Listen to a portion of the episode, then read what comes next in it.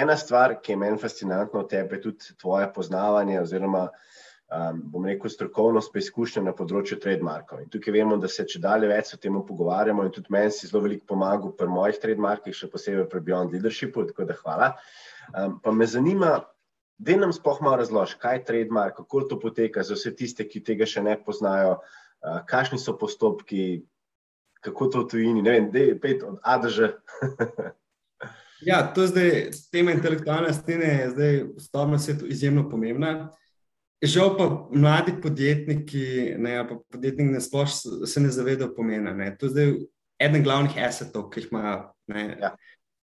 Ideje, pa ne samo blagovna znamka, ampak vse, kar je povezano z intelektualno lastnino, je tisto, kar je največ vredno.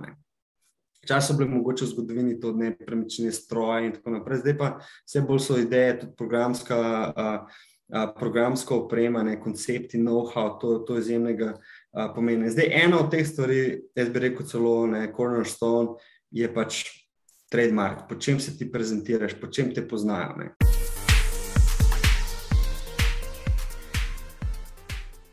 Dobrodošli v podkastu Beyond Leadership, kjer gostimo izjemne posameznike in odkrijemo nove dimenzije vodenja in njihove talente in recepte za uspeh.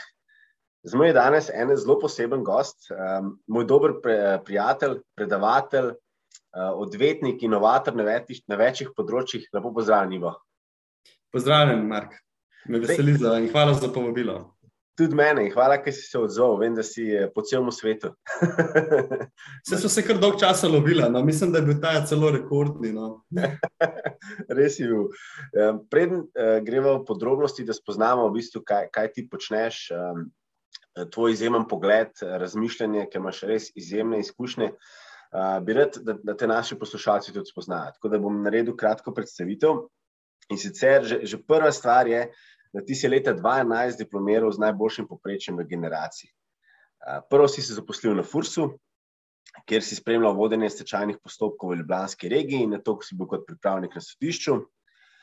Delal si potem v družbi za davčno svetovanje, Tax Group in na to v eni večjih odvetniških pisarn v Sloveniji, Odilo. 2017 si odšel na enoletno specialistično eh, LLM izobraževanje na Dunaju z področja International Tax Law, in 2018 si rekel, zdaj moram iti pa jaz na svoje in se stanovil svojo pravno pisarno, kjer ste v bistvu inovatorji na področju novih tehnologij, trademarkov, delaš veliko z blockchain podjetji, trenutno imaš pisarno v Ljubljani. Ekipa ima že sedem članov, tako da čestitam, zelo lepo rastete, delate pa predvsem z, z hitro raztočimi mladimi podjetji, ki so, ki so prav tako usmerjeni v, v rast, v tujino in se hitro širijo. Tako da, pre, preden greva, bi jaz sem rad uh, slišal, če bila mi, da so šolce gimnazije, si ti že takrat vedel, da hočeš biti odvetnik, da hočeš delati na novih tehnologijah, spremenjati svet. Da nam malo razloži. Ja, uh, ker sem bil v gimnaziji, v bistvu nisem še razmišljal o tem. Uh, ukvarjal sem se z, z, z muziko, Dosa, moram priznati, ker dosta se učil. No. takrat nisem pa imel nekega še, mislim, teh novih tehnologij takrat tudi še ni bilo, no, blockchaina, spletnih platform. No. Internet je bil, dogajale so se določene zgodbe, že nisem, šel, nisem se toliko zanimal za, za, za tehnologijo, za tehniko, za programiranje, sem bil bolj mogoče v kakšnih drugih vodah. Me pa veselilo dejansko nekako pomagati ljudem, odvetništvo, um, pravni svet, ne, kako, kako, kako um, ne samo tehnika, ampak kako to družba funkcionira. Ne. Tako da nekako odločitev tudi v, za pravni študij je bila nekako organska. Nisem niti veliko razmišljal, ampak sem vedel, da, da je to tono. Super. Pejva se malo dotakniti, se pravi, tvoje podjetje dela predvsem s tujino. In tukaj govorimo, da imaš stranke iz Nemčije, Estonije, Kanade, Singapurja, Brazilije, Izraela, Amerike. Kako dejansko postaneš um, taka vele sila na tem področju novih tehnologij in delaš predvsem v, v tujini? Kako, kako priješ do strank? Da ne malo razložiš, kako se sploh začne, kako, je, kako, je prva, kako pridobiš prvo stranko in pol v bistvu, ker ta efekt. Ja, tukaj je v bistvu nek tak efekt snežne kepe. Um, dobro delo se nekako potem uh, razve. In če imaš neko stranko, tudi v ta blokčen svet, sem bolj ali manj padel nekako po naključju. Jaz sem se veliko ukvarjal z 2016-2017. Uh, takrat ni bil še blokčen, ni bil še tako aktualen, ni bil tako popularen, bile so pa sharing economy platforme, Airbnb, Uber. Mene to zanima, kako to funkcionira. Se je to zelo vrgel, pa se pa kar naenkrat začel pojavljati blockchain, noben se s tem odvetniki so to mačkano spregledali, noben, noben ga to nekaj veliko zanimalo, jaz sem se pa pridružil, uh, šel tudi na par eventov, videl, da pač potreba po pravnih storitvah je, da, da industrija rabi uh, imeti neka pravila, da imajo vprašanje glede obdavčitve, glede um, raznih pravnih vprašanj, kako zdaj regulirati, ker ta podjetja rastejo, ima pač tako kot vsaka druga podjetja, tudi blockchain v, v tem svetu je ta potreba. Uh, tako da tukaj sem se potem vključil v ta, uh, pridobil pač prve par uh, strank, potem pa pač te priporočil naprej še svojim kolegom, pa ti kolegi naprej, pa, pa tudi ti na drugi strani zelo razrasteš, se veliko naučiš o sami tehnologiji, vidiš, kakšne so tipične, uh, tipični problemi imaš nek tak pregled čez celotno eh, industrijo, kaj imajo različni, kaj so zdaj tipični problemi, ki se tukaj pojavljajo. Tako da potem več, kar delaš, več te poznajo, več ti priporočajo naprej. Ne. Je pa tudi en tak mentalni preskok. Te smo mogoče doskrat zaprti, samo razmišljamo samo o slovenskih okvirih. Ne. Svet je pa velik. Ne. In to bi mogoče tudi želel uh, svojim kolegom ali pa tvojim poslušalcem ne, podeliti ta, ta, ta nasvet. Uh, treba se znebiti ne, neke te mentalne barijere z sodobno tehnologijo, ne, eh, sodobnimi sredstvi komunikacije. Ne. Ni nobenih ovir, da bi v bistvu nastopali ne samo na slovenskem trgu, ampak globalno, tudi na trgu pravnih storitev, tudi na takih zelo rekel, konzervativnih eh, področjih, ne tradicionalnih, tudi tukaj se lahko dela v bistvu cross-border. Uh, tako da, ja, delo na začetku bilo kar veliko, ker sem to kar padel noter, na začetku tudi nisem imel, ne vem, uh, ne, od ust do ust, ne, so, so šla priporočila. Tudi nisem imel uh, spletne strani, ne, tudi, nisem imel niti pisarne na začetku. Ne, šele potem se to neko tako nomadsko pravno pisarno sem imel. Mislili smo tudi co-working prostor in pa seveda z ekipo so prišli tudi um, tudi po tem prostoru, sploh potem spet z, z, s ponovnim upisom v, v odvetniško zbornico. Ne, tako da zdaj imamo tukaj prostore v, v Ljubljani, ampak dela se lahko v bistvu tudi nadaljavamo. Ta, ta, ta nek, um, nek, nek ta mesič, ki bi ga mogoče podelil. Deva malo pogleda, če um, se pravi, Slovenija je fascinantna država in, in tudi glede blockchaina smo, smo kar močna, močna sila. Uh, veliko podjetij smo imeli, um, postav, imeli smo tudi prvo Bitcoin mesto, kjer sem tudi jaz bil del te ekipe, ki je to postavila. Zanima pa tvoj pogled, kako gledaš, kako je blockchain sploh urejen. Vem, da si bil ti tudi eden izmed pobudnikov v Sloveniji, da si se začel dejansko pogovarjati uh, z vlado, z, z Fursom uh, in tako naprej. Da nam malo razložiš, kako, kako ste sploh to začeli takrat. Ja, um, dva 17 do 18 je bila neka tako res posebna energija, ne, se začutila tukaj. Da smo res slovenci, ena tako vele sila, blockchain, imamo, imamo talente, imamo know-how, imamo voljo. Ne. In jaz sem to začutil, vedno je bilo, vedno, se je govorilo o brain drainu, ne. mladi, uspešni ljudje odhajajo v tujino. Takrat se je pa nekako ugotovilo, oziroma jaz sem začel opaziti kar naenkrat, ne. ne samo, da so ljudje, uh, mladi, uspešni, talentirani posamezniki, je Slovenija nehala hoditi v tujino, vsaj v določenem segmentu. Uh, ampak smo celo začeli, drugi so začeli, tujci so začeli prihajati k nam, pa tukaj nekaj delati, pa so tukaj od nas učitni. Tako, to je bila res neka taka, wow, ne, aha, moment, ne, res imamo nekaj za ponuditi, res smo lahko nečem najboljši, ne, res lahko to, to svoje znanje izvažamo, v bistvu ta uh, tehnologija, pa to bilo še pred koronskimi časi, ne, pred to popolno digitalizacijo, ne, se je začelo to, uh, to dogajati. Drugi so začeli prihajati k nam, tudi ustanovljati podjetje, se vključevati v naše time. Tudi naše podjetje so začela zaposlovati, v bistvu še talent od drugot. Um, tako da to je bil nek tak uh, zelo dober, um, zelo dober vibe. Bil, Zdaj, žal, ne, meni je žal, da nismo tega uspeli uspeli bolj tudi regulatorno urediti, um, ne prisluhniti potrebam, ne, ker industrija ima pa vse določene potrebe, ne, tudi kar se tiče pravne varnosti, pravne jasnosti, primerno od nekih administrativnih ovir, da se zmanjšajo. Ne. Tako da tukaj mogoče na strani regulacije ni bilo dovolj posluha ali pa te priložnosti. So bili narejeni kar precejšnji koraki, pojasnili organov, tudi organi so se pogovarjali z industrijo, bi se lahko pa naredili še bistveno več. No. Tako da mi je žal, ni pa še vse zamujeno, tako da upam, da tudi, uh, tudi ne, uh, industrija se naprej razvija, potrebe so še zmeraj, tako da to se lahko še zmeraj v prihodnosti um, popravi ali pa nadgradi. Deva se dotakniti, jaz to, to zmeraj vprašam. In sicer, ko, ko, ko te ljudje spremljamo, ko gledamo, vidimo, da si zelo uspešen, da delaš zelo veliko stojino, tudi v Sloveniji, te, te vsi poznamo. Pa me zanima, ogromno imaš tudi nekih projektov. Kako, kako izgleda tvoj dan, kako se organiziraš? Kako, ne, se ti v nedeljo pripraviš za naslednji teden, ali se de na malo razložiš, ali ostaneš zelo zgodaj, greš spat zelo pozno. Rad bi malo, malo me zanima, kako se organiziraš, pa kakšen je tvoj tipičen dan. Ja, zdaj vikende kar doskrat um, žrtvujem, no, tudi za delo, sploh nedelje je tak nek miren dan, ko ni toliko klicev, pa lahko dejansko imaš večji fokus. Ponedeljek si hitro se zgodi, da si zasud s klici in je težko to dohajati. Zdaj, ključno je res ta uh, fokusirano delo, to se mi zdi zelo, zelo pomembno, ne, da se uh, predvidi določene bloke časa za, za delo.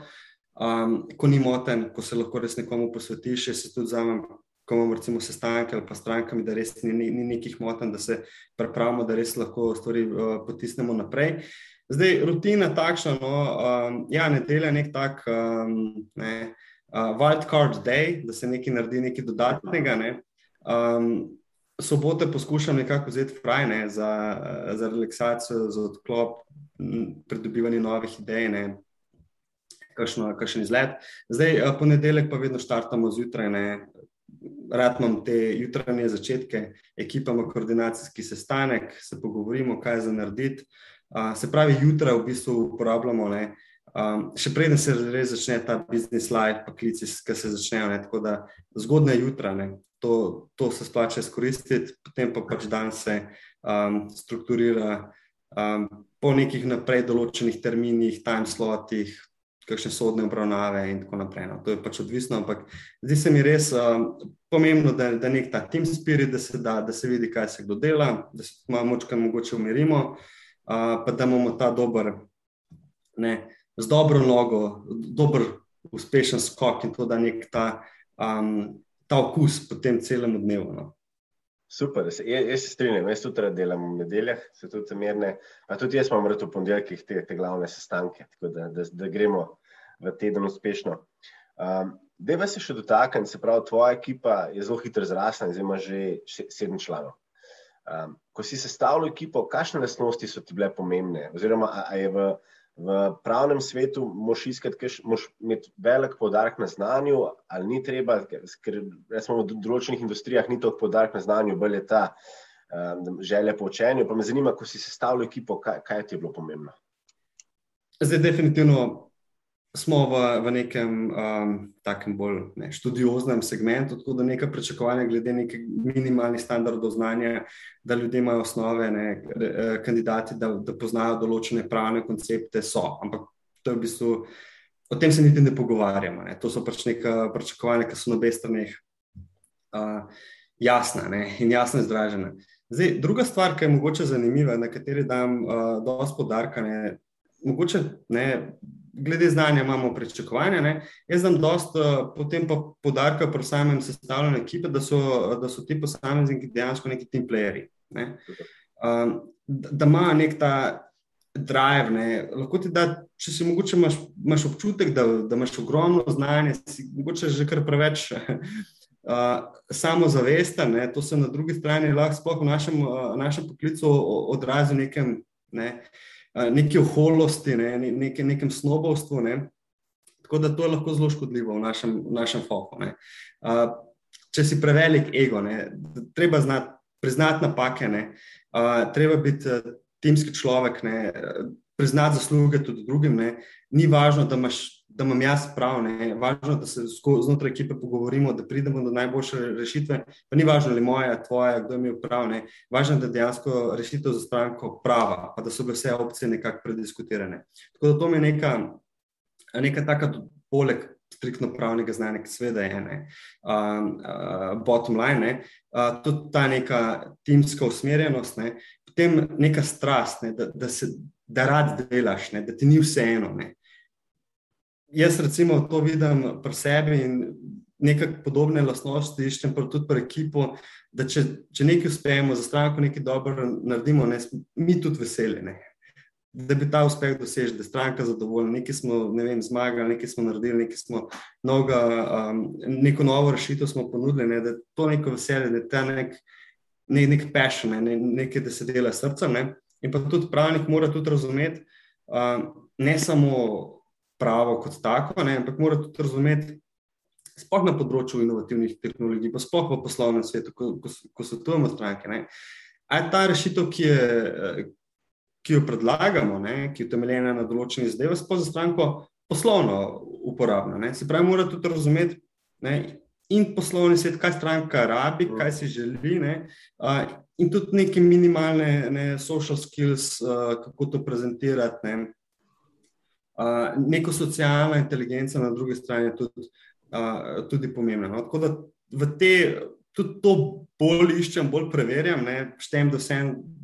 Izobraževalni sistem v Sloveniji je kvaliteten, da, da producira ljudi, ki bodo poznali zakone, ki bodo poznali um, ne, neke osnove. Um, iščem tudi te neke mehke veščine, to se mi zdi izjemno pomembno. Ne? Kar se tiče pa samega znanja, uh, Zdaj, uh, fakulteta da neko osnovno izobrazbo, vem pa, da ni to vse. Ne? In tudi pač, pričakujem, da, da kandidati to vejo, se bodo mogli še marsikaj naučiti. No? Uh, tako da zdaj tudi lansiramo našo pisarno akademijo, uh, povezavi tudi z študentskimi društvi. To je zdaj še čisto nov projekt, ni bil še niti, niti predhodno objavljen. Tako da zdaj prvič povem sploh o tem, se pa zelo veselim da pokažemo, ne, ta, um, da dobijo neke prakse, da, da dobijo vid, kako poteka nesodobno odvetniško delo. Uh, in da se tudi potem pri študiju so mogoče na kakšne druge aspekte še dodatno pozorni, ali pa tudi z malo drugačnimi očali ne, se učijo, ali pa tisto, kar se učijo, gledamo drugače, ima nek uh, praktični pogled. Tako da se zelo tega veselim uh, in uh, je to tudi lahko neka nadaljna pot. No. Super. Deva se še dotakniti eh, ravno to, kar si zdaj omenil, da je treba stalno vlagati v svojo izobrazbo, izkušnje in ti imaš ogromno tega, tudi zelo redno skrbiš za to. Eh, kot sem že prej omenil, leta 2017 si odšel na enoletno specialistično LLM, ne vem, če sem prav izgovoril izobraževanje na Dunaju. Um, pa zelo veliko tudi potuješ po svetu, imaš razna izobraževanja tudi kot predavatelj. Pa me zanima, um, kako dejansko, ne vem, kako to komponirati v, v, v ta svet. A je, a je to, koliko novosti se pojavlja, koliko se v bistvu ta um, svet spremenja. Ker načeloma je zelo tak, ne bom rekel, rigiden, ampak prihajajo nove tehnologije, se pravi, vse spremenja, ampak koliko pa se dejansko spremenja? spremenja?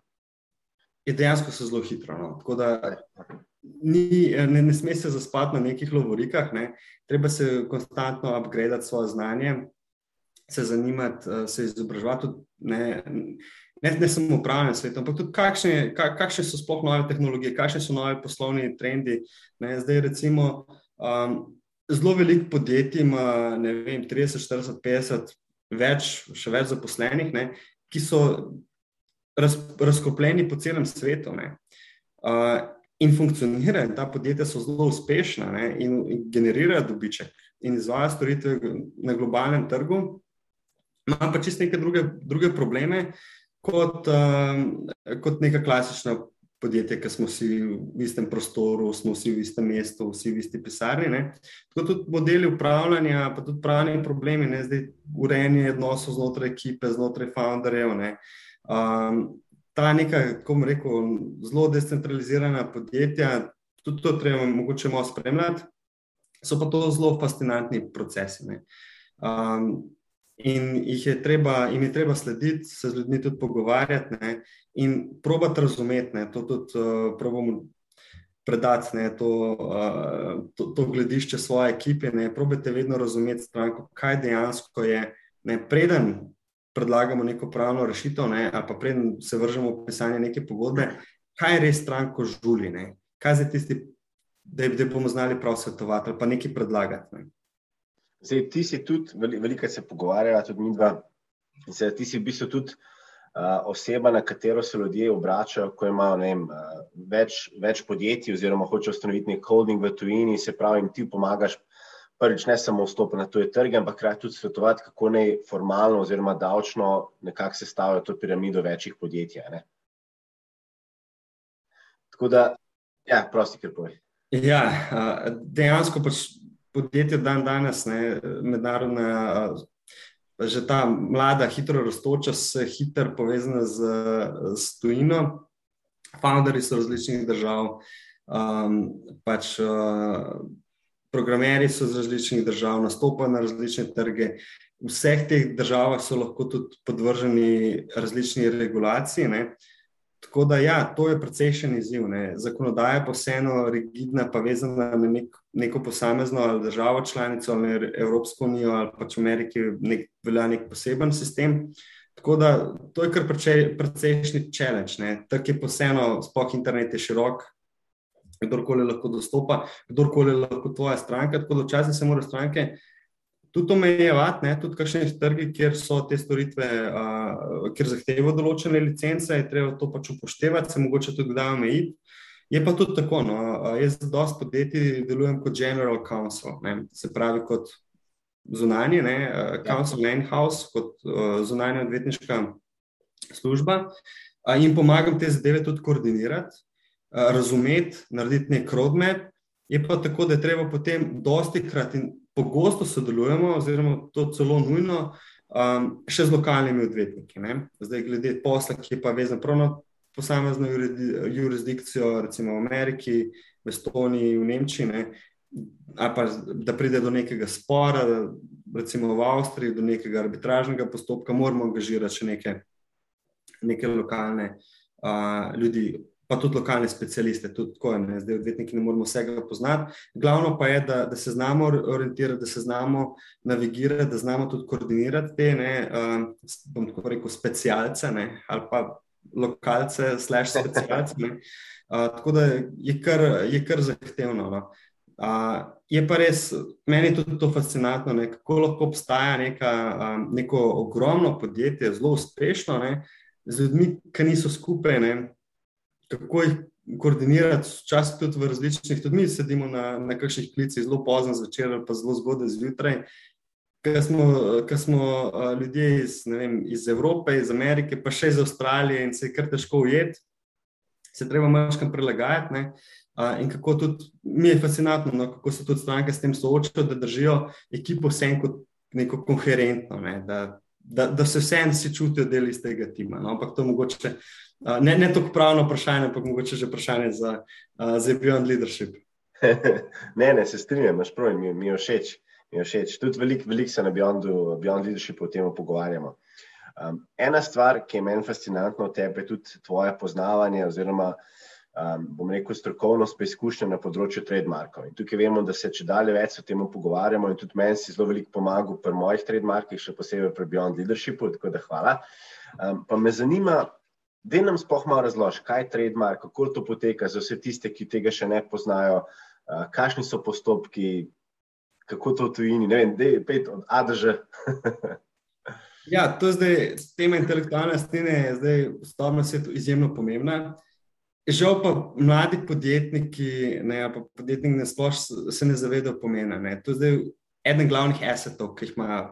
Ja ideje, pa ne samo blagovna znamka, ampak vse, kar je povezano z intelektualno lastnino, je tisto, kar je največ vredno. Včasih so bile mogoče v zgodovini to nepremične stroje in tako naprej, zdaj pa vse bolj so ideje, tudi programska, a, a, programska oprema, ne, koncepti, know-how, to, to je izjemnega pomena. Zdaj, ena od teh stvari, jaz bi rekel celo, ne, cornerstone, je pač trademark, po čem se ti prezentiraš, po čem te poznajo. Ne. In Tukaj mogoče tudi lahko naredim neko usporednico med, uh, pa neko primerjavo med Slovenijo in med tujimi uh mhm. -huh.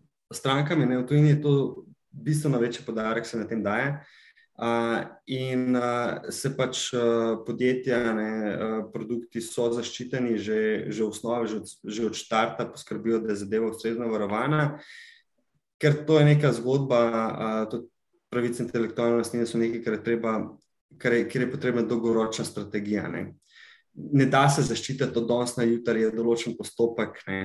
je treba objaviti, treba pogledati, lahko pride tudi do kakšnih ugovorov, lahko nekdo temu nasprotuje. Ne. Tako da a, tukaj je treba in delamo tudi na, na izobraževanju, pišemo tudi kakšne članke, svetujemo strankam, a, kako se tega lotiti. ker najlažje to urediti naprej. Takrat, ko pride do spora, je lahko zelo boleče, neprijetno, uh, tudi drago. Ne? Um, in doskrat nas pač kontaktirajo v zelo nekih poznih uh, fazah, ko že obstaja nek spor, ko nekdo že nekoga napada, češ uporabljati, kršite moje pravice intelektualne lastnine in moramo potem stranke braniti. In bi imeli zelo veliko lažje delo, če bi, če bi se to uredilo prej ali pa pravočasno. Ne. So pa zadeve zelo neprijetne, ne. lahko pride do, do nekih nehotenih ne, posegov, da niti ne veš, da, da kršiš od nekoga drugega trademark, pa kakšne druge pravice intelektualne lastnine. Uh, in včasih se treba tudi rebrandati. In to je zdaj iz poslovnega vidika. Ne. Je zelo neprijetno. Ne je drago, ne? blago si v nek brend, neko prepoznavno, da se moraš pa kar preimenovati. Ne? Težko tudi razložiti uh, svojim uporabnikom, ne? svojim investitorjem. Ne? In čas se dogaja tudi, da so pač zaradi uh, kršitev intelektualne lastnine uh, tudi investitorji ali pa partnerji osebno potem napadeni ne? In je zelo neka taka slaba. Um, Slaba energija, oziroma zelo neprijetno. No. Tako da uh, res sem svetujem, da, da se to uredijo prej da o tem razmislijo, uh, ker je dejansko področje zelo, uh, zelo posebno. No. Zdaj, um, če lahko delim mojo, mojo zgodbo, sprav, dejansko je postopek tak, tako kot jaz. Jaz sem prišel od tebe, sem rekel, oziroma ti si meni opozoril, da bi bilo mogoče pa, pa zanimivo, da bi, da bi zaščitil Beyond Leadership. Se pravi, jaz sem prišel do tebe in potem si mi ti vodil čez celoten proces. In, in v Sloveniji, potem lahko gremo tudi v Evropo, pa, pa tujino, ne, če prav razumem, pa globalno. Okay. Okay, lahko super. tudi na začetku tujini, pa ne. Um, zdaj, odvisno, kje so zdaj ti relevantni trgi. Ne. Super. Pe, pe pa se še dotaknem. Zelo, zelo me zanima, Prej, prej so že izpostavili blockchain, stje, ker je zelo pereča tema. Vemo, da ta trg je, je zelo hitro rastoč, je pa praktično tako velik celoten ekosistem, kot je kakšen Apple, uh, kot je v bistvu market cap kakšnega večjega podjetja, kot je Apple. Uh, pa me zanima, um, kako ti gledaš na te tehnologije, um, kako se vplivajo v, v poslu, pa iz, iz pravnega vidika me zanima tvoje mnenje. A je tukaj res še toliko odprtih vprašanj, misliš, da se bo to v prihodnosti uredilo? Ali smo res še, še daleč od tega? Ja, jaz mislim tako. No, pač tehnologija in inovacije, ker vedno moramo na področju blokčina deluje ogromno, ogromno količina izjemno talentiranih ljudi, ne, genijev. Ne. Uh, in prihajajo novi produkti, ne, nove, nove poslovne modele. Uh, in zakonodaja enostavno ne more temu tako hitro, nikoli mu ne bo sledila v celoti. Ne. Zelo me veseli, da se vsaj trudijo slediti. Ne. Lahko bi, vedno bi bilo lahko boljše. No. Um, je pa tako, da nek lek vedno bo. Ne. In fajn je, da se, da se zakonodajalci, pa regulatori tega zavedajo, da se trudijo, da, da se zadeve premikajo naprej. Tudi Evropska unija na tem kar nekaj dela, upamo, da, bo, da bomo malo imeli že neko uh, novo regulativo z tega področja. Ne. Dejstvo pa je, ko bo sprejeta, bo že isti trenutek zastarela, ker ne neki si v zakonu, pa pač poslovni svet je šel pa naprej, pojavili so se nove poslovne produkte, nove poslovne modele, ne, fintech, svet, swopi, ne, nove, nove oblike kriptovalut. Ne. A, tako da temu se, temu se ni mogoče izogniti, to je treba nekako sprejeti. Uh, je pa fajn, da se tega problema vsaj zavedamo, da ga skušamo nekako naslavljati, oziroma tudi, ko se pripravlja ta zakonodaja, da, da, da omogoča določeno stopnjo uh, fleksibilnosti, ne, uh, da ni pretoga. Ne. To bi bilo zelo, zelo, zelo težko. Najtežje je uporabljati neko zakonodajo ali pa uh, določeno regulativo, ki je bila pisana za čist druge čase. Ne. Za druge čase je pa še zmeraj zavezujoča in je edina, ki jo imamo, in jo je treba zelo na, na grob način ne, aplicirati. In, uh, zelo neprijetno je, če, če bi se zakonodaj tiste, ki ovira razvoj ali pa ki ovira poslovno življenje. Ne. Potrebujemo pa seveda pravila, ne, tudi, treba tudi industrija na drugi strani mora razumeti, to tudi kar dobro razume, ne, da ne moramo pustiti um, nekega divjega zahoda, ne. moramo imeti neka jasna pravila, moramo tu zaščititi določene skupine, so potrošniki, ne, pred skemerji, pred, pred določenimi nepoštenimi praksami, ne, pred pranjem denarja. Ne. In tudi industrija se tega želi. Ne. Želi, da, da um, da so stvari urejene, da ne more kar vsak delati česar koli, da ne more priti do nekih oškodovanj, nekih slabih zgodb, tudi mečejo potem um, neupravičeno škodujejo vsem v industriji. Ne. Zgodbe kot so OneCoin in podobno. Ne. Se strinjam. Se pravi, zelo, zelo fascinanten svet. In, in tudi jaz mislim, da, da si vsi želimo, da se tukaj čim prej uh, vzpostavi neka regulativa, da, da bo tudi to malo šlo v neke meje normale. Uh, Uh, me pa zdaj zanima še to, zmeraj vprašam. In sicer američani temu radi pravijo, da je aha moment. Se pravi, kaj je bil ta aha trenutek v tvoji karieri, ki si, si pa rekel, jaz hočem iti to pot. Vemo, da si 12, ko si, ko si diplomiral, si imel najboljše poprečje, bil si tudi v tujini, delal si res um, v, v izjemnih uh, pisarnah, pravnih, pravnih pisarnah. Kdaj bo pa ta aha trenutek, ki si pa ti si rekel, ok, zdaj pa to, to, jaz grem na svoje, jaz hočem delati, to bo moja karijera. Ja, zdaj, glede ustanovitve svoje pisarne, to bilo res mogoče povezano s tem uh, nahajanjem tujini, s to neko pozitivno energijo, vzdušjem, ne, glede tega razvoja blokčina, nove tehnologije, zelo hitrim napredkom.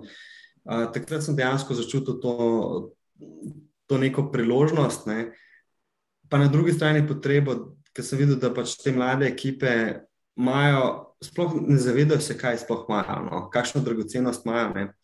kakšen potencial ima to. Pa ne samo za samo blockchain um, industrijo, tudi za celotno širšo ekonomijo. Ne? Kakšne premike, izboljšave to lahko uh, prenese v čist tradicionalnih industrijah. Uh, tako da takrat sem se temu bolj posvetil in takrat sem tudi videl, da, da to svojo idejo ali pa ta svoj nek nov pristop bolj fleksibilen, bolj prilagojen um, tem našim strankam, lažje tudi uh, urejen v okviru neke nove, uh, nove pisarne, ki bi že v začetku imela ugrajene neke, neke bolj dinamične vrednote. No. Peva se še dotakniti uh, start-up sveta ti velik tvojih strank uh, je sicer že velikih mogocev, ampak se jih mogoče še zmeraj tretirajo kot start-upi, ker so tudi na večjih lokacijah, veliko hitro rastma. Zanima, kaj so te največje pravne težave, s katerimi se srečujejo ti tvoji, eh, mislim, start-upi, nasplošno pa v bistvu te tvoje korporacije? Zdaj, neka taka večna tema so kadre. Ne? Zaposlovanje, odpuščanje, urejanje odnosov z, z kadri. Vsi, ki rastejo, imajo več ljudi ne? in tako pač nek tak, neka taka šala, ne? več ljudi, več problemov. Um, dejansko to je zelo, zelo tako pomembno področje fajn je spet, kot vedno, stvari uredimo naprej. Ko se pač onboarda člane ekipe, se pogovorimo o različnih scenarijih, ne, se zadeve zapišejo, če se ne zapišejo, pa se potem razidemo. Ne, je problem, če pa so bile zapisane, pa vsi vemo, pri čem smo. Ne, gremo lahko zelo miroljubno na razen. Um, hujša stvar kot uh, zaposleni ali pa neki član ekipe, če se skregajo founderji. Ne? To je tudi um, dosti pogosto. Štarta mlada ekipa, vsi smo prijatelji, ne? a pa mladostni ja. prijatelji. Potem se začnejo pa kar ne vem, desetine ne, milijonov obračati. Interese so različni, nekateri bi to razvijali naprej, drugi bi šli ven, nekateri imajo potem neke druge vrednote, družinske bi se pač malo ustalili, se razidejo in tukaj pa so zelo, zelo bolj taki, ne, eh, ta potres lahko dejansko razdeli podjetje ali pa tudi uniči. To je, eh, to je tudi eh, stvar, na katero stranko opozarjam. To, to se pač ozaveščanje je vidno, no, se obrača zdaj že na začetku. Ne, ne samo takrat, ko imajo spor. A, ampak takrat, ko, ko ustanavljajo, da se pač pogovorijo, ne, da so spostavili nek uh, initial trust, in te zdaj tudi pač potem rešimo. Zdaj, uh, tretja stvar, kot so že omenila intelektualna lastnina, je ključni asset. Ne? Tudi v razmerju do zaposlenih. Če nek član ekipe, če nekdo nekaj dela, ne? zdaj, če ga je ta ne samo delo, ne? kdo je prejemnik neke storitve, nekega. Neke programske ali pa česar koli, ampak če ga je um, intellectual property, ki se, ki se generira, ne, pa kdo ga lahko uporablja potem. Ne, da se ne zgodi, da, da, da podjetje je sicer prejelo neko storitev, ni, ni pa lastnik ne, ključnih, ključne intelektualne lastnine. To je, dru, to je še dodatna zadeva. Potem večna tema so davki, temu se tudi ni mogoče izogniti.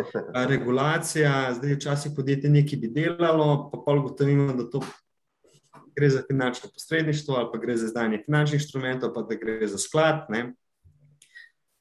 Pa rečemo, je možno, ampak zahteva to, pa to, pa to. Ne. Pa rečemo, v redu, bomo pa delali nekaj drugega, ali pa prilagodijo potem poslovne modele, nek ta compliance. Ne. Uh, to je tudi taka, dosta standardna tema. No. Tako da tukaj se, se gibljamo, zdaj nekako naša naša, uh, naš privilegij, da temu rečem, uh, je ta, ko delaš v svojem startupu, se zelo zaljubiš v svojo, ne, ta svoj produkt. Ne, vidiš eno stvar, gledaš znotraj, ne, znotraj škatle. Ne. Zdaj, ki se pa pogovarjajo z mano, jaz pa vidim vse škatle. Ne. Videl sem veliko škatel, videl sem veliko lepih škatel, pa videl sem nekatere škatle, ki so propadle, pa so imeli določene probleme. Tako da imam nek, imamo tak nek. Ne, uh, pregled, kaj se dogaja na splošno v industriji, kakšne so tipične uh, uh, napake, ne? kje so tipični izzivi znotraj industrije, pa tudi izven, ne? tudi med industrijami. Tako da jim lahko potem damo nekaj in poskušamo dati nekaj opozorila, gledajte, dajte urediti to pa to. Ne? Tukaj se jih ne. 90% se izkrega tukaj, pa tukaj. Ne? A pa, gledajte, imate dobro idejo glede te pogodbe, ampak ta zadeva je zelo taka. Ne? uh, nejasna, lahko pride do spora, da je to malo bolj definirati. Da, um, tukaj je potem ta, ta dialog ne, uh, in tukaj bi se naša dodana vrednost in tukaj si želimo čim več dodane vrednosti. Ne. Na drugi strani, kar da pa nam uh, posamezne start-upe, pa tudi razumevanje, ne, kaj jih tare in tako naprej. Ful me zanima tvoj, tvoj pogled. Um, se pravi, ti si šel v bistvu čez vse korake. Bil si del uh, večjih uh, pisarn, zdaj imaš tudi svoje podjetje, ki ima že sedem, uh, sedem zaposlenih, in pa tudi kot zunanji odvetnik, svetovalec menedžmenta, si del večjih, več tisoč osebnih ekip, če rečemo tako, pa več sto osebnih ekip. Pa me zanima, če gledaš od začetka tvoje kariere pa do danes, kako se pa tvoj stil vodenja spremenil? Kako si se ti spremenil kot oseba? Si bil takrat mogoče bolj avtokrat, kot si zdaj? Ne, ne nam malo sam razloži, ker me zanima, kako se je tvoj stil spremenil. Um, ja, na začetku defi, definitivno upravlja samo sebe. Ne. Tudi to je včasih challenge. Ne. Potem pa, ko ta ekipa raste, se tudi uh, način vodenja se mora temu prilagajati. Ne. Uh, zdaj ne bom rekel, da vse znam, da vse vem. Če bo ekipa še naprej rasla, ne, bo treba tudi uh, drugačen, drugačen tip menedžeriranja. Tudi, recimo, zdaj se pogovarjamo o oblikovanju nekih skupin, delovnih skupin. Ne um, da se lažje, da se bolj efektivno vse, vse odvija. Zdaj, nekaj tak moj, uh, moj um, ne, moto. Jaz se skušam biti zelo.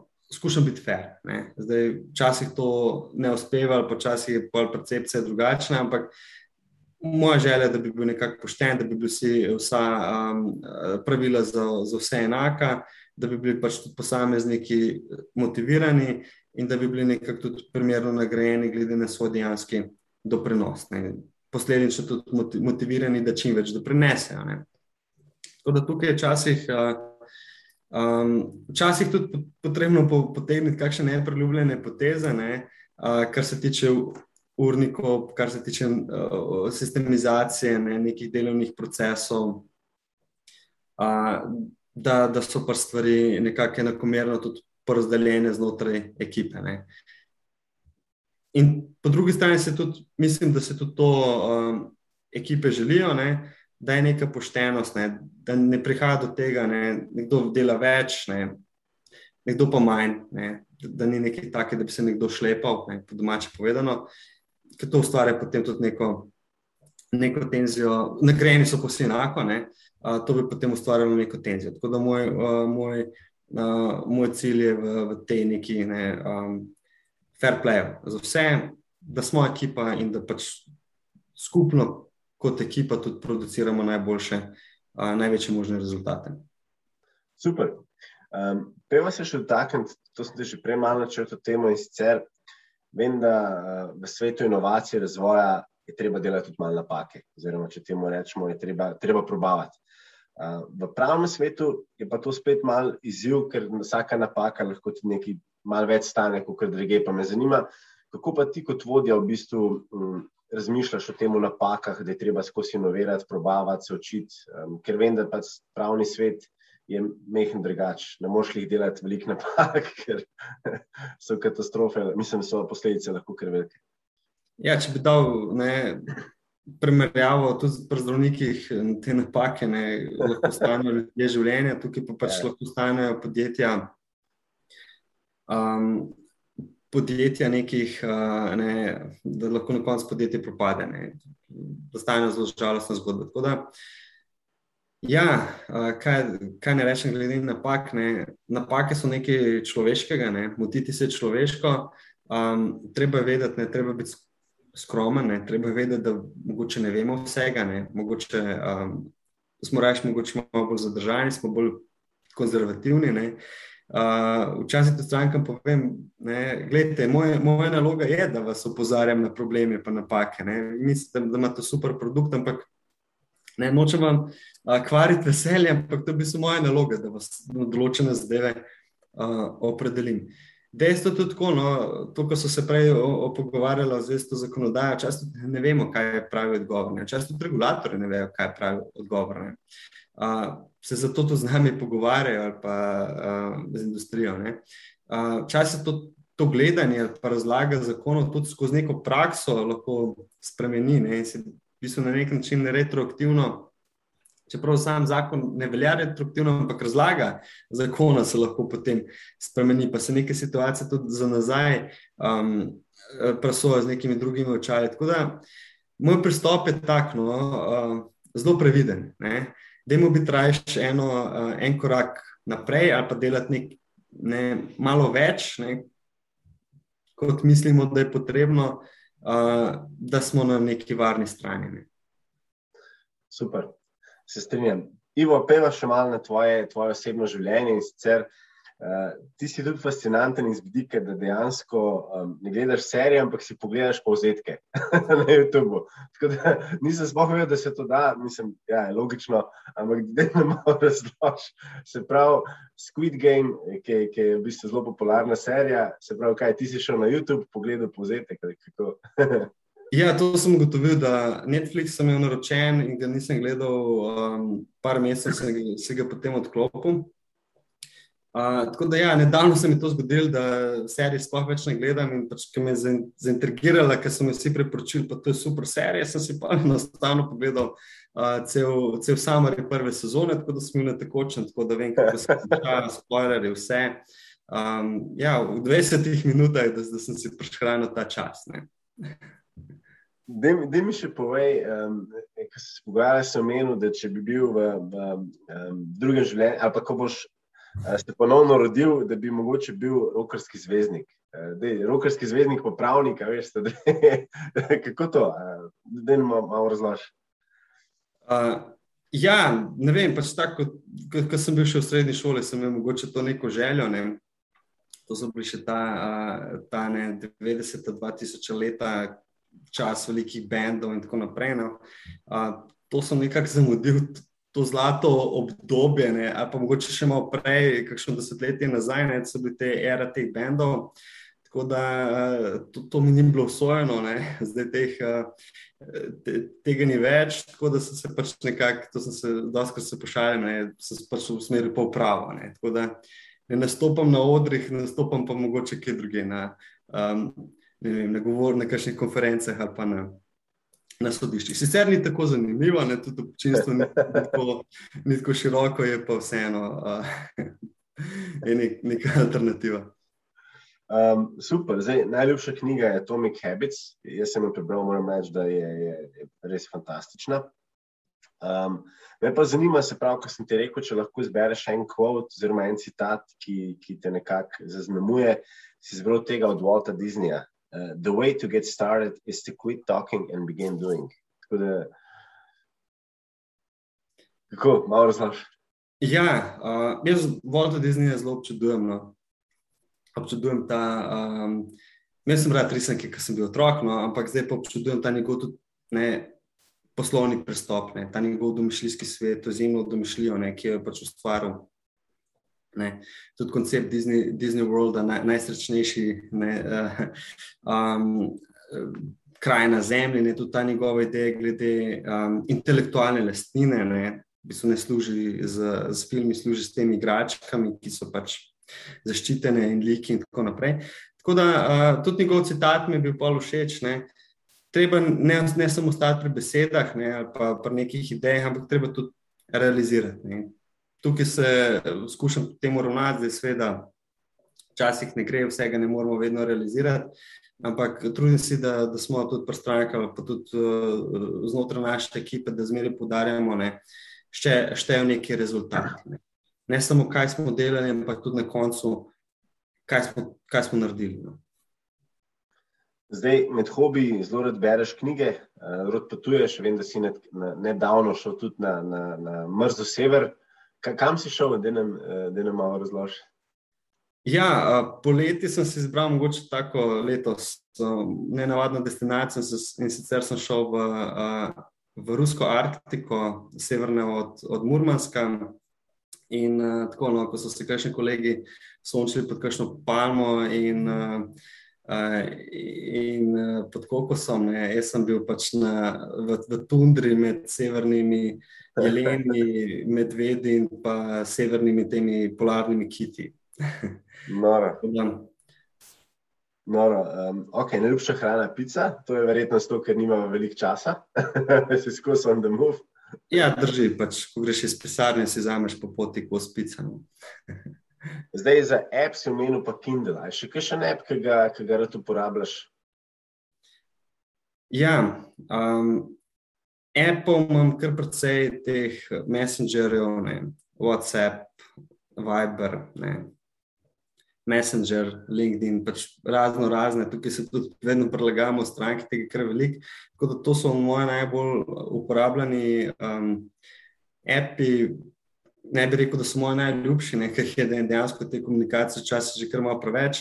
Ja. Um, kar se tiče tako res najljubšim, je pa um, Kindle. Uh, to je zaradi tega, ker dejansko mogoče, meni je to tudi fascinantno. Včasih smo imeli celo knjižnico ne, um, knjižnico knjig, ne, zdaj pa imaš v bistvu celo knjižnico, ne, stotine, tisoče knjig. Ne, pa če te nekaj zanima, imaš lahko katero knjigo praktično ne, v, v, v minuti zdownloadano na svojem osebnem telefonu in jo pač doskrat tudi berem. Ne, na, tudi na, recimo, ki čakaš, kjerkoli si, tudi to opcijo ima. Ne, um, Da ti predvaja audiobooks, da se kam peljem, pa to poslušam, ali pa recimo na avionu, Tako da zelo rad berem, to je nek, nek tak hobi. Ne. Super. Preden greva na, na, na neko tvojo zaključno misel, bi jaz samo še te prosil, če lahko podaš nek um, pravni nasvet um, mladim podjetjem, mladim startupom, nek mogoče generičen nasvet, um, kaj vsak mlad podjetnik, ki vstopa ali na tuje trge ali širi svoje podjetje. Ja, generičen pravni nasvet no, je, da je dejansko pravo pomembno, naj ne, ne podcenjuje teh aspektov, ker so lahko zelo, zelo drugo vas lahko stanejo. Ne. Po drugi strani pa nek dober pravni nasvet ali pa da imate to. Pravni compliance, porejanje pravnih odnosov inkorporirano kot neko vašo strateško usmeritev, da ste pozorni na to, ne, na te zadeve, malo lahko tudi precej denarja um, prihranjate. Tako da um, ne gledajte na to, na, na, na legal kot na nek strošek, ne, bolj kot na mogoče na investicijo. Ne. Super. Zdaj, jaz imam že kar lepo bazo, na, na Beyond Leadershipu in sicer eh, mislim, da imamo že preko 100 tisoč poslušanj, kot sem gledal uh, prejšnji teden. Čestitam. In uh, hvala. In tudi naši poslušalci, ki lepo rastejo, med njimi niso samo študenti, imamo tudi kar nekaj direktorjev, predsednikov uprav. Pa me zanima, če gledava zdaj. Um, čez vse, čez vse spekter, od študentov do direktorjev, do ljudi, ki, ki vstopajo v, v svet podjetništva. Kaj bi bili tvoji trije neki zaključni nauki za naše poslušalce? Ja, zdaj nauki, nauko je lahko več, no. mogoče bi samo enega. Ali pa enega, ja. Za zaključek. No. Tako, no. Um, ja, o tem doskrat razmišljam. No. Zdi se mi res pomembno ohranjati tem, tem svetu, ki skozi neke motnje, neki šumi. Ne veliko je tudi možnosti. Vse se kar težko odločiti ali usmeriti, ker vse ne. Uh, tudi opažam, mogoče pri mlajših generacijah, ne, da bi na, ne, na več mestih naenkrat radi bili, ne, mogoče se tudi mentaliteta malo spremenja, TikTok generacija, ne, pa nekih želje po hitrih zaslužkih. Ne. Ampak dejansko tukaj bi mogoče ponovil nek, nek nasvet, ki sem ga slišal od svojega bivšega šefa, ne, v življenju enostavno ni bližnic. Ne. Včasih je treba prehoditi določeno pot. Ne, um, in tudi v celoti. Ne. Tako da um, bi to svetoval, mogoče tudi mlajšim um, kolegom, kot pa, pa tvojim poslušalcem, ne, um, naj držijo fokus, naj bodo ustrajni, ne, um, ker to vas bo potem pripeljalo na, do nekih rezultatov, ne, tako kot v tisti basni o zajcu, pa, pa želvi, ne, želva na koncu vedno, vedno zmaga, ne, tudi če gre malo počasneje. Res je. Zdaj, Ivo, še enkrat bi se ti rad zahvalil za, za tvoj čas. Um, jaz sem vesel, da, da si se najdla, ker vem, da smo, bila, sva, sva se kar nekaj časa ljubila. Um, dragi poslušalci, še enkrat z nami je bil izjemen Ivo Grlica, um, predavatelj, um, mentor, strokovnjak, ne samo za trademarke, ampak tudi mnogo drugih stvari. Če se boste širili na tuje trge, je absolutno on prava oseba um, moj dober prijatelj in pa hkrati tudi lastnik Grlice Lo odvetniške pisarne. Tako da, Ivo, še enkrat najlepša hvala. Ja, hvala za povabilo, Mark. Jaz sem izjemno, uh, izjemno vesel, da smo uh, uh, za, tale, za tole priložnost tega zelo zanimivega pogovora. Uh, in moram reči, da sem tudi jaz tvoj poslušalec, večkrat poslušam tvoje podcaste, pa tudi te na svete, ki jih objavljaš. Tako da čestitke za, za izjemno delo in tudi uh, za ta doprinos slovenski poslovni kulturi, ki se mi zdi, da je izjemno pomembna. Ne? Da upravljaš izjemno uh, koristno delo, uh, predstaviti neke zgodbe, pa predstaviti neke, neke ideje in opolnomočiti bodoče liderje, da jim dati neko samozavest, ne? ker imamo tudi tukaj v Sloveniji. Da, da, da vemo, da znamo in da si to znanje tudi upamo izkoristiti. No. Tako da hvala, um, hvala za povabilo in tudi hvala za, uh, za celoten ta projekt, ki, ki je izjemnega pomena in, in ti želim še uspešno delo naprej in uh, ne samo 100 tisoč ogledov, ampak več in več. Super, hvala. Spremljate nas na vseh 13 kanalih, kot so Spotify, Apple, Google, Castbox in pa tudi YouTube, LinkedIn, Instagram in pa Facebook kjer imamo že ogromno skupnost, kjer nas je preko 2000. Imamo pa tudi novo spletno stran beyondleadership.se. Se že veselimo vaših novih poslušanj in pa dogodivščin.